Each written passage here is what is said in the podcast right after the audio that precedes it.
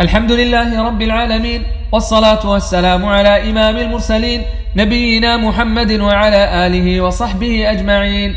أما بعد فهذه قراءة من كتاب رياض الصالحين للإمام النووي رحمه الله تعالى. من الحديث السادس والثمانين بعد الثلاثمائة إلى الحديث الثامن والثمانين بعد الثلاثمائة. قال رحمه الله باب علامات حب الله تعالى للعبد والحث على التخلق بها والسعي في تحصيلها. قال الله تعالى قل إن كنتم تحبون الله فاتبعوني يحببكم الله ويغفر لكم ذنوبكم والله غفور رحيم وقال تعالى يا أيها الذين آمنوا من يرتد منكم عن دينه فسوف يأتي الله بقوم يحبهم ويحبونه أذلة على المؤمنين أعزة على الكافرين. يجاهدون في سبيل الله ولا يخافون لومة لائم.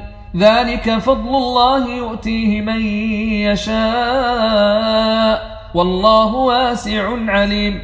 وعن أبي هريرة رضي الله عنه أنه قال قال رسول الله صلى الله عليه وسلم إن الله تعالى قال من عادى لي وليا فقد آذنته بالحرب وما تقرب إلي عبدي بشيء أحب إلي مما افترضت عليه وما يزال عبدي يتقرب إلي بالنوافل حتى أحبه فإذا أحببته كنت سمعه الذي يسمع به.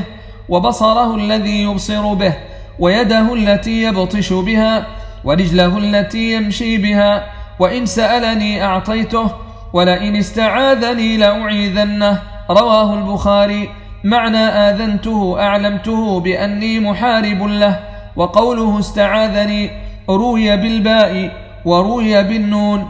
وعنه رضي الله عنه عن النبي صلى الله عليه وسلم أنه قال إذا أحب الله تعالى العبد نادى جبريل إن الله تعالى يحب فلانا فأحبه فيحبه جبريل فينادي في أهل السماء إن الله تعالى يحب فلانا فأحبوه فيحبه أهل السماء ثم يوضع له القبول في الأرض متفق عليه وفي رواية مسلم قال رسول الله صلى الله عليه وسلم إن الله تعالى إذا أحب عبدا دعا جبريل فقال إني أحب فلانا فأحبه فيحبه جبريل ثم ينادي في السماء فيقول إن الله يحب فلانا فأحبوه فيحبه أهل السماء ثم يوضع له القبول في الأرض وإذا أبغض عبدا دعا جبريل فيقول إني أبغض فلانا فأبغضه فيبغضه جبريل ثم ينادي في أهل السماء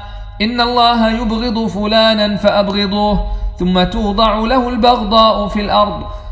وعن عائشة رضي الله عنها أن رسول الله صلى الله عليه وسلم بعث رجلا على سرية فكان يقرأ لأصحابه في صلاتهم فيختم بقل هو الله أحد. فلما رجعوا ذكروا ذلك لرسول الله صلى الله عليه وسلم فقال سلوه لأي شيء يصنع ذلك. فسألوه فقال لأنها صفة الرحمن فأنا أحب أن أقرأ بها. فقال رسول الله صلى الله عليه وسلم أخبروه أن الله تعالى يحبه. متفق عليه.